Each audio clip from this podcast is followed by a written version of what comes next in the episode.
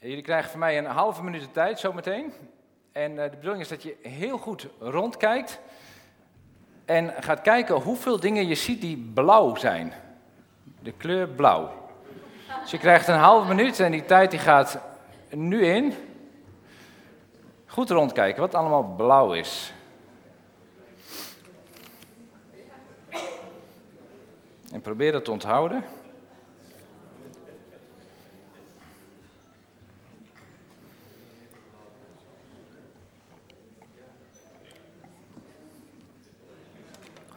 Nog 10 seconden.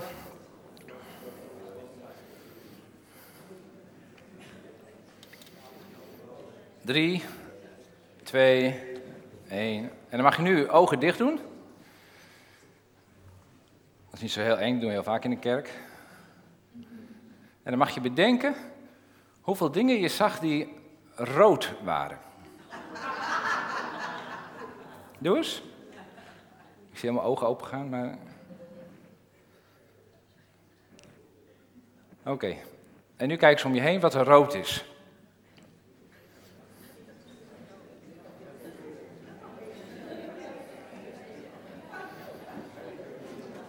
Grappig hè? Als je gefocust bent op blauw, dan zie je waarschijnlijk het rode niet. Wie, wie had dat? Wie had heel veel rood niet gezien? Ja, dat is bijna iedereen, denk ik. Want dat is wel een beetje de oefening ook die we doen. En hoe komt dat dan? Omdat je in feite een soort filter hebt opgezet. Ik moet blauw kijken. Blauw, blauw, blauw, blauw. En alles wat daar niet blauw is, dat vergeet je. Dat kan je niet handelen. Dus die filter zet je aan. Totdat ik zeg, wat is dan rood? Dan denk je, oh, dan ga ik op rood zoeken. We werken allemaal met, met filters. We zijn dat op internet ook wel heel erg gewend. Hè? Als ik op Marktplaats op zoek ben naar, uh, naar dingen, als ik nieuwe dingen nodig heb, dan zoek ik altijd eerst op Marktplaats en dan druk je allemaal filters in. Ik ben nu op zoek naar een, een schuttingdeur en dan zoek ik even op Marktplaats een schuttingdeur en als ik die kan vinden, dan uh, is hij niet mooi genoeg of hij is veel te duur en dan pas ik mijn filters weer aan. Het moet hardhouten zijn of juist niet, of het moet binnen 10 kilometer te halen zijn. Als dat niet lukt, dan wel binnen 25 kilometer. En als dat niet lukt, dan eh, laatst zag ik iets en dat zat helemaal in Zeist. Dan denk ik, oh, kom ik daar nou aan? En denk oh ja, die broer van Pieter woont daar, die ken ik nog wel. De broer van Katrines woont daar, Pieter. Dus die heeft het voor mij opgehaald. En zo kun je met allemaal filters, kun je anders gaan, gaan dingen, zie je allerlei andere dingen. Toen we op vakantie gingen, en als jullie op vakantie gaan ook, dan zet je ook bepaalde filters aan en uitdenken. Wat ik in ieder geval deed, was de filter nieuws uitzetten. Dus ik heb de NOS-app verwijderd en ik heb de filter natuur en ontspanning die heb ik aangezet. Toen wij in uh, Zuid-Limburg waren, heb ik heerlijk genoten van de natuur. En ik ging automatisch wel naar nos.nl, maar dat kon dus niet. Dus ik heb even niet gevolgd hoe het in Oekraïne was en hoe het met de boeren was enzovoort. En het was ook heerlijk. Dus ik heb gewoon een, drie weken lang een, een filter opgezet waarin mijn werkelijkheid gewoon even was zoals ik die wilde hebben. En de vraag is hoe jij en ik, hoe wij naar de werkelijkheid kijken en welke filters wij opzetten. Want we zijn allemaal, uh, ja, we kijken allemaal via bepaalde filters naar de werkelijkheid. We hebben net geoefend met het blauwe, en dan zie je het andere niet. En zo kun je op verschillende manieren ergens naar kijken. Je kan naar de filter ellende kijken bijvoorbeeld, hè, dat je de ellende aanzet en dat je heel veel ellende om je heen ziet. Dat is een filter. Maar je kan ook denken, ik wil al die ellende niet zien. Ik wil alleen maar mooie dingen zien in het leven. Ik zie alleen maar concerten. Ik zie alleen leuke dingen, geweldige dingen. En alles wat niet leuk is en waar ik gedoe van heb, dat filter ik weg. En ik leef in een wereld waar het alleen maar geweldig en mooi is. Dus filters is heel handig. Het is een manier om ons te helpen om de, de, de werkelijkheid te bekijken. En ook om hem uiteindelijk te manipuleren. En het gevaar is, is dat we vergeten dat we door filters naar dingen toe kijken. Dus dat we vergeten dat we filters aan hebben staan. Of dat we überhaupt ons niet bewust zijn dat we door allerlei filters de werkelijkheid bekijken. En uh, daardoor kan het dan zomaar ontstaan dat jij een hele andere werkelijkheid, heel anders naar de wereld kijkt dan dat jij weer heel anders kijkt. En zo ontstaan er soms ook wel allerlei groepen. Ik heb in de vakantie ook een filter aangezet door een boek te lezen van Gert-Jan Segers, Hoop voor een verdeelde wereld. Een eh, heel interessant boek, wel een paar jaar oud. Maar als hij naar Nederland kijkt, dan zit hij ook een bepaalde filter natuurlijk. In Nederland kun je naar de natuur kijken, je kan naar heel veel dingen kijken. En hij kijkt op zijn manier er ook naar, dus zo schrijft hij over het boek. En dan ziet hij dat er allerlei groepen in Nederland zijn.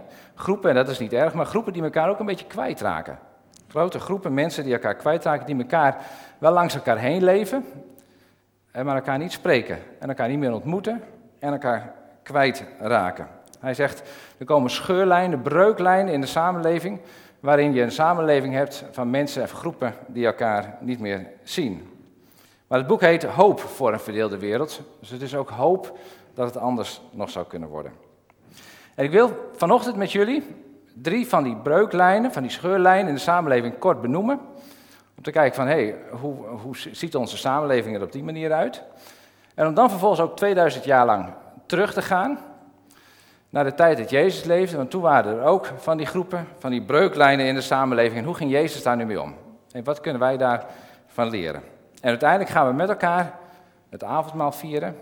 Wat denk ik een oplossing is voor heel veel breuklijnen die zijn ontstaan, zodat er herstel kan plaatsvinden. Maar ik ga eerst wat van die breuklijnen met jullie benoemen.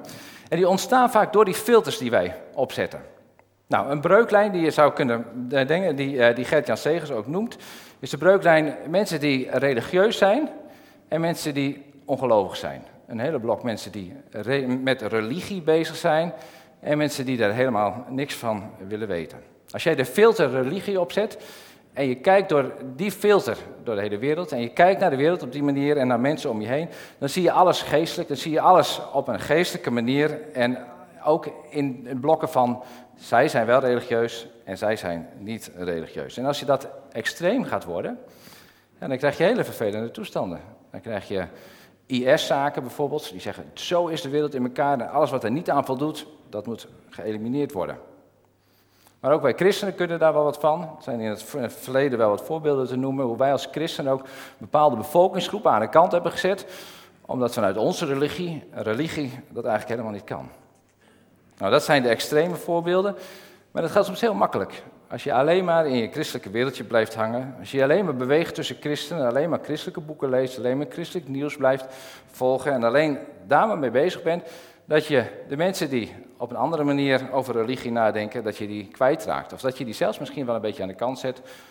Oh, dat zijn de ongelovigen, die moet je niet te veel vertrouwen, daar moet je niet te veel mee omgaan, want dan raak je besmet. En voor je het weet, dan kan religie, en kan het christendom ook zorgen voor een tweedeling in de samenleving. Een breuklijn in de samenleving waarin mensen uit elkaar gaan. En religie kan daar heel goed voor zorgen. Er zijn mensen die zijn helemaal anti-religieus. Dat hoor je ook eh, in talkshows, dat hoor je in het nieuws, lees je dat. en die mensen zeggen, we moeten helemaal geen christelijk onderwijs hebben. We moeten helemaal geen christelijke hulpverlening hebben. Alles wat religieus is, moeten we in de band doen. Want kijk eens wat voor ellende je krijgt van religie. En je krijgt ook heel veel ellende van religie. Lees de krant, maar dat gaat ook heel vaak fout. En zo kunnen, als je niet oppast, drijven die groepen uit elkaar. Omdat de ene filter religie aan heeft en de andere de filter niet-religie heeft die uitstaan. Dat is één voorbeeld. Een ander voorbeeld van breuklijnen die je in de samenleving hebt, van groepen die je in de samenleving hebt, die langs elkaar heen leven, die met elkaar in de winkel wel tegenkomen, maar toch zichtbaarder worden. Dat zijn mensen die heel succesvol zijn in het leven en mensen die dat helemaal niet zijn. Of die dat steeds maar proberen en dat helemaal niet lukt. Als jij een goede opleiding hebt gehad, je hebt een baan gevonden, uh, je hebt een mooi huis, je hebt voldoende inkomen, je kan regelmatig op vakantie, je kan nog eens een avondje lekker weg, dan heb je waarschijnlijk ook vrienden die daar uh, op dezelfde manier leven. En je komt in een soort bubbel terecht van mensen die het allemaal goed hebben. En als je niet oppast, dan raak je het zicht kwijt op mensen die dat helemaal niet hebben. Die hun knetterste best doen om aan het eind van de maand nog net rond te komen. Die nu in de grote problemen komen met de, de, de, de inflatie die er uiteindelijk is. Mensen die in de schulden zitten, mensen die niet vooruitkomen en mensen die uh, vaak ook in andere wijken wonen, die we niet meer kunnen bereiken, die we niet meer spreken. Was het op de basisschool nog zo dat jij en ik met elkaar in één klas zaten, of je nou arm of rijk of succesvol werd of niet, langzamerhand groeit dat uit elkaar. En als we niet oppassen, dan krijgen we een samenleving waarin die groepen elkaar niet meer spreken, elkaar niet meer ontmoeten. Behalve in de kerk, hoop ik. Ik hoop dat iedereen hier kan komen. En een derde scheurlijn die ik wil noemen, is de leeftijd. Er is een hele wereld van jongerenwereld, met jongeren druk mee bezig zijn, en er is een wereld van de ouderen. De jongeren die druk bezig zijn met hun snelle wereldje, met hun TikTok en met Instagram en met weet ik wat ze allemaal nog meer bezig zijn, want daar ben ik dan weer niet meer bij. En de andere groep, de ouderen, die met uh, André van Duin hoe heet die ook alweer, met Omroep Max en zo bezig zijn. En die werelden die leven uit elkaar. En we komen elkaar in het verkeer wel tegen en daar hebben we afspraken over gemaakt. Maar in hoeverre ontmoeten de jongeren en ouderen elkaar? Als je niet oppast, ontstaat er een kloof. En dat is niet altijd zo natuurlijk. Want je hebt best opa en oma's die op kleinkinderen passen. En dan zie je dan wel weer dat die breuk hersteld wordt. Maar als je in de samenleving kijkt, dan zie je dat die groepen ontstaan. Dat we langs elkaar heen lopen en elkaar soms elkaar niet eens meer kennen. Omdat we een hele andere filter hebben opgezet, een andere taal spreken en in een andere wereld leven. Terwijl we fysiek gewoon over dezelfde straat lopen. En zo heb je allemaal groepen, verdeeldheid in de samenleving. En je zou er nog veel meer kunnen noemen. De boeren zijn al even genoemd. Je bent voor de boeren of je bent tegen de boeren. En zo, als je niet oppast, dan polariseert dat. Of de corona. We hebben dit gezien ook in de kerken. Hoe de kerken ook verdeeld. De mensen zeggen, nee, je moet je niet meer meedoen. En dan zeggen, moet je wel aan meedoen. Als je niet oppast, dan verdeelt dat en praten we elkaar niet meer met elkaar. Verdeeldheid in de samenleving, wat verdeeldheid ook in de kerk kan worden. En dat is een gevaar voor onze samenleving. Dat is ook een gevaar voor onze kerk. Want als wij op die manier uit elkaar getrokken worden, dan raken we elkaar kwijt en raken we een heel stuk rijkdom kwijt. En het gaat ook heel makkelijk. Als jij in de ene groep zit, dan heb je al heel makkelijk een beeld van hoe die andere groep wel niet zou zijn. Ik heb vroeger van een onderzoek gehoord, en ik ben de naam kwijt hoe dat is. Maar stel je voor, en dat is niet zo heel moeilijk, we gaan deze groep in tweeën verdelen. Je hebt deze groep en je hebt deze groep. We gaan die opdracht niet doen, maar ik probeer een beetje dat je hem inleeft. En dan krijgen jullie de opdracht om voor de Afrikaanse cultuur te bedenken hoe zij omgaan met, um, wat heb ik dat staan, met gastvrijheid, met gezag voor ouderen, hoe ze, uh, uh, hoe ze omgaan met groep en individuele mensen. Dat mogen jullie bedenken, hoe dat voor de Afrikaanse bevolking is. En jullie mogen diezelfde thema's bedenken, hoe dat is voor de Nederlandse bevolking. Hoe gaan ze daarmee om? Hoe belangrijk vinden ze dat? En wat, vinden ze en wat, wat is het een is belangrijker dan het andere? Als je daar met elkaar over nadenkt, dan blijkt uit onderzoek dat de groep die over Afrika nadenkt, dat die het eerst klaar is. Want wij weten wel hoe de Afrikanen denken. En dat de Nederlandse groep, die gaat erover nadenken en die zegt, hé, maar hebben we het over mensen in de Randstad of hebben we het over mensen hier in Friesland? Hebben we het over ouderen of hebben we het over jongeren? Hebben we het over mensen die geloven of over mensen die niet geloven? Hebben we het over die of die? Die gaan veel meer differentiëren. Maar de mensen die je niet zo goed kent, de bevolking, dat is de, les uit dat onderzoek. De groepen die je niet zo goed kent, daar heb je een stereotyperingbeeld van. En daar ben je het heel snel over eens. Wij weten wel hoe de Turken zijn, toch? Wij weten wel hoe de Marokkanen zijn. Wij weten wel hoe het is met mensen die in armoede leven. Uh, eigenlijk is het ook een beetje hun eigen schuld. Want uh, er zijn genoeg banen en hier kan je best uitkomen. En die mensen die in Ter Apel slapen, daar buiten de ringers, dat is wel heel erg, maar het was de afgelopen dagen ook niet heel slecht weer. En ze mogen ook blij zijn dat ze in Nederland mogen komen. Wij zijn heel makkelijk in, oh, dat is die groep en dat is zus en zo. Totdat we mensen beter leren kennen, en we leren mensen beter kennen, en zeggen, nee, maar er is heel veel onderscheid, het is allemaal verschil.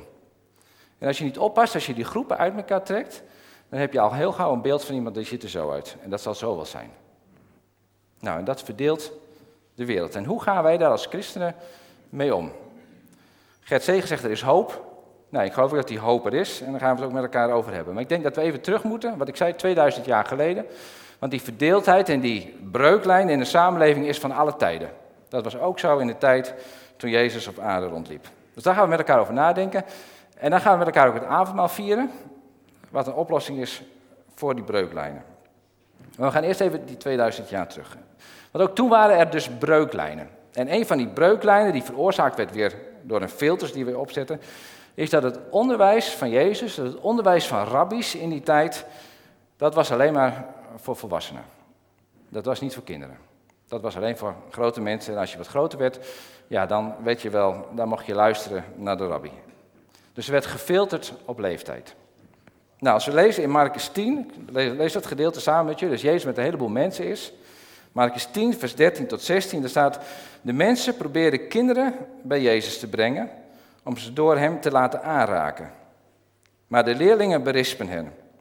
Toen Jezus dat zag, wond hij zich daarover op en hij zei, laat de kinderen bij me komen, houd ze niet tegen, want het koninkrijk van God behoort toe aan wie is zoals zij. En ik verzeker jullie, Wie niet is als een kind, wie niet als een kind openstaat voor het koninkrijk van God, zal er zeker niet binnengaan. Hij nam de kinderen in zijn armen en zegende hen door hen de handen op te leggen. De filter die de mensen daar hadden, het onderwijs van Jezus, is voor de grote mensen. En Jezus heeft er lak aan. En toen Jezus dat hoorde, zegt nee, dat is niet zo. Het onderwijs is voor iedereen. Ik filter niet met mijn boodschap op mensen. Jong en oud hoort erbij. Nou, dat is een van de groepen die er waren. En de andere groepen die er waren in die tijd waren de Samaritanen en de Joden. De Joden, dat was het echte volk van God. En de Samaritanen was een beetje het pseudo-volk van God. Die hadden zich vermengd met anderen. En die gingen niet eens naar Jeruzalem, naar de tempel. Die hadden daar een eigen plek om ook uh, om te aanbidden. En Joden gingen niet om met Samaritanen. Dat weten we denk ik allemaal wel, dat hebben we wel vaker gehoord. En Jezus gaat dan door Samaria en die gaat in gesprek met een Samaritaan. Dat lees je in Johannes 4. En zo kwam hij, Jezus, bij de Samaritaanse stad Sigar, dicht bij het stuk grond dat Jacob aan zijn zoon Jozef gegeven had, waar de Jacobsbron is. En Jezus was vermoeid van de reis en ging bij de bron zitten. Het was rond het middaguur. Toen kwam een Samaritaanse vrouw water putten en Jezus zei tegen haar, geef mij te drinken. En zo gaat het verhaal verder. En Jezus gaat in gesprek met de Samaritaan en dan ook nog eens met een vrouw. En dat was ongeveer, en dan weet ik niet hoe erg het is, maar die breuklijn die was ongeveer hetzelfde als een Ajaxiet met een Feyenoord supporter gaat praten en samen gaat eten. Dat, dat, dat kan niet, dat is niet zo. Dat doe je niet, want je hoort bij de ene club en de andere hoort bij de andere club.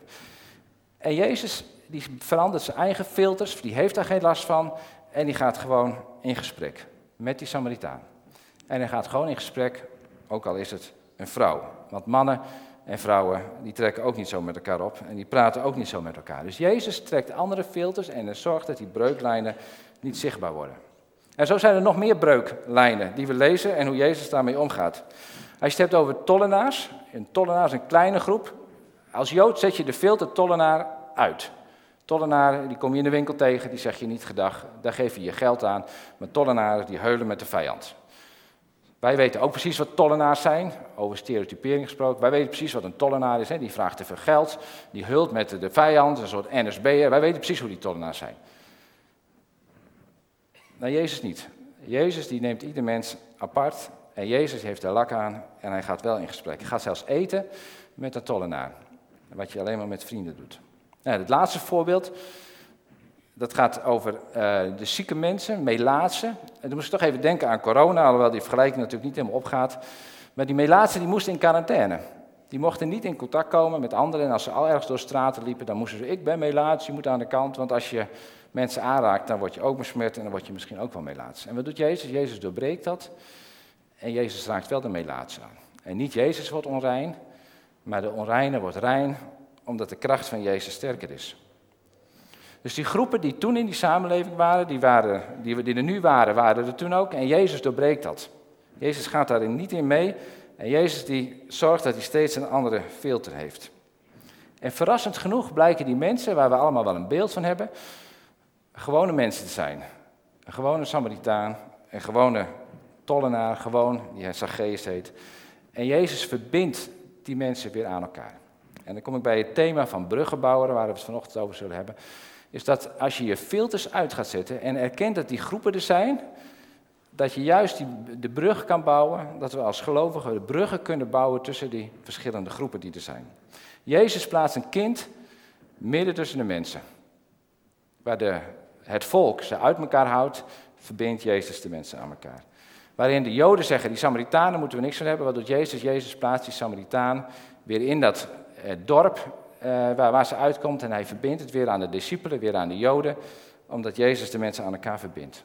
De tollenaar, die in de filter uit was, Jezus verbindt de tollenaar weer aan de stadbewoners. En de Melaatse hoeven niet weg te blijven, maar Jezus laat zien dat er herstel mogelijk is. En dat er verbinding is en dat er een brug gebouwd kan worden. En zo is Jezus voortdurend bezig herstel te brengen tussen die groepen die er in de samenleving zijn, die destijds in de samenleving waren, om weer herstel te brengen. En als we dan zo naar Jezus kijken, dan denk ik, zo mogen wij ook. Zo mogen wij ook verbinden zijn. Zo mogen wij ook groepen aan elkaar verbinden. En mogen we ons bewust zijn van filters die we hebben, want we hebben er allemaal last van. En juist onze filters anders instellen en oog te hebben voor mensen om ons heen. Jezus ziet niet de groep mensen, maar Jezus ziet de mensen persoonlijk. En hij gaat ze persoonlijk op zoek. En zo mag je op school, in je werk, mensen zoeken die even buiten je filters zijn geraakt. Die je even niet ziet, die je de hele dag niet gezien hebt. Eh, een collega met, met, wie je misschien gewoon een praatje maakt, maar dat je even vergeten was van, oh, er was thuis nog iets. Dat je even doorvraagt van, hoe was het ook alweer? Of in de buurt mensen om je heen ziet waar je denkt, hé, hey, daar ben ik het zicht op kwijt. Wie is dat? Hoe gaat het daar?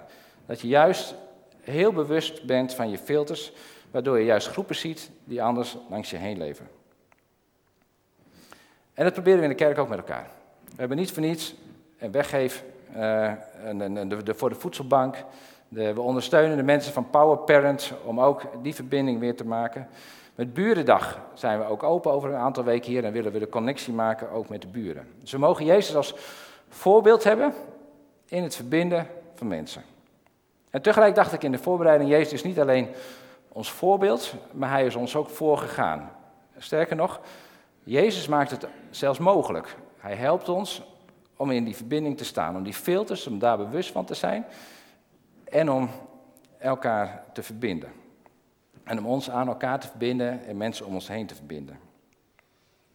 En het avondmaal is daar een hele mooie uitwerking van. En daarom gaan we zo meteen het avondmaal vieren. Maar ik wil je nog één opdracht ook meegeven. jullie zitten al zo lang stil, we moeten eventjes in beweging, dacht ik. Want als je het hebt over die breuklijnen in de samenleving, van welke breuklijnen zouden nou hier in de, bij ons in de kerk ook zichtbaar kunnen worden? Wij komen allemaal uit de wereld en die breuklijnen zijn ook hier zichtbaar.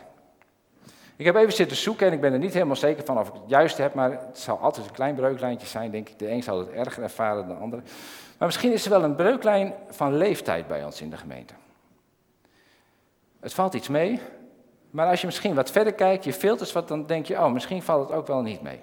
En ik wil het niet erger maken dan het is, maar daar gaan we wel even een oefeningetje mee doen, want we gaan het ook niet erger maken.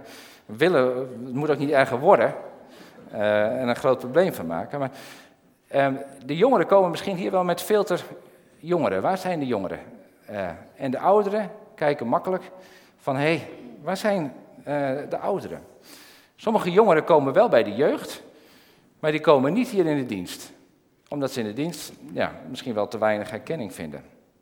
De ouderen die weten hoe, hoe, een preek moet worden, hoe een dienst moet worden. Er moet een stevige preek worden. En we vinden met elkaar hebben we een manier gevonden hoe, hoe we de dienst eh, met elkaar moeten doen. We doen al 25 jaar ongeveer dezelfde volgorde in de dienst.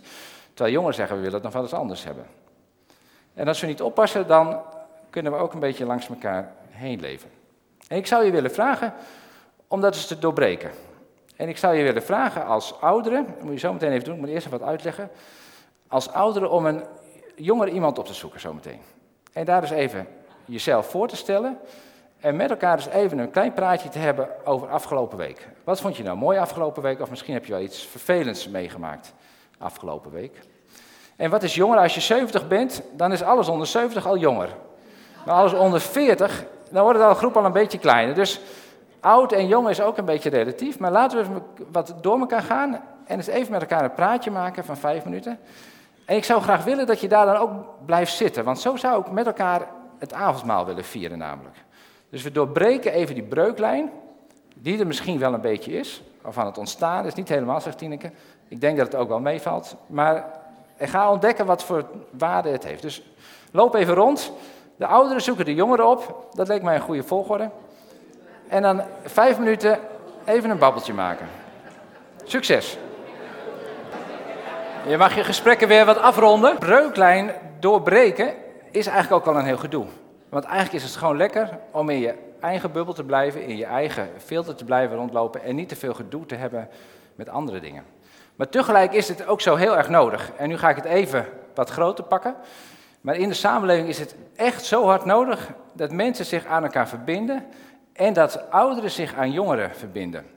Ik hoorde deze week nog, na corona is er veel meer depressiviteit bij jongeren, veel meer neiging tot uh, suïcide bij jongeren, omdat jongeren zich eenzaam voelen en alleen voelen en zich niet onderdeel voelen van een gemeenschap. En daar hebben wij als overwegend ouder hier een rol in. We kunnen wachten tot ze bij ons komen. Maar die verbinding is echt heel hard nodig in deze samenleving. En hier gebeurt het gewoon. Ja, niet gewoon, ik vraag het en met bepaalde tegenzin doen jullie dat dan nog een beetje. En uiteindelijk is het dan ook misschien ook wel weer een beetje leuk. Maar die verbinding die kan in de kerk natuurlijk heel mooi ontstaan. En natuurlijk ook heel veel op andere plekken. Maar hier worden miljoenen euro's aan besteed dat die verbinding gaat ontstaan. Dat er meer verbinding ontstaat in de samenleving en dat die groepen niet bij elkaar wegdrijven, maar dat die naar elkaar toe gaan.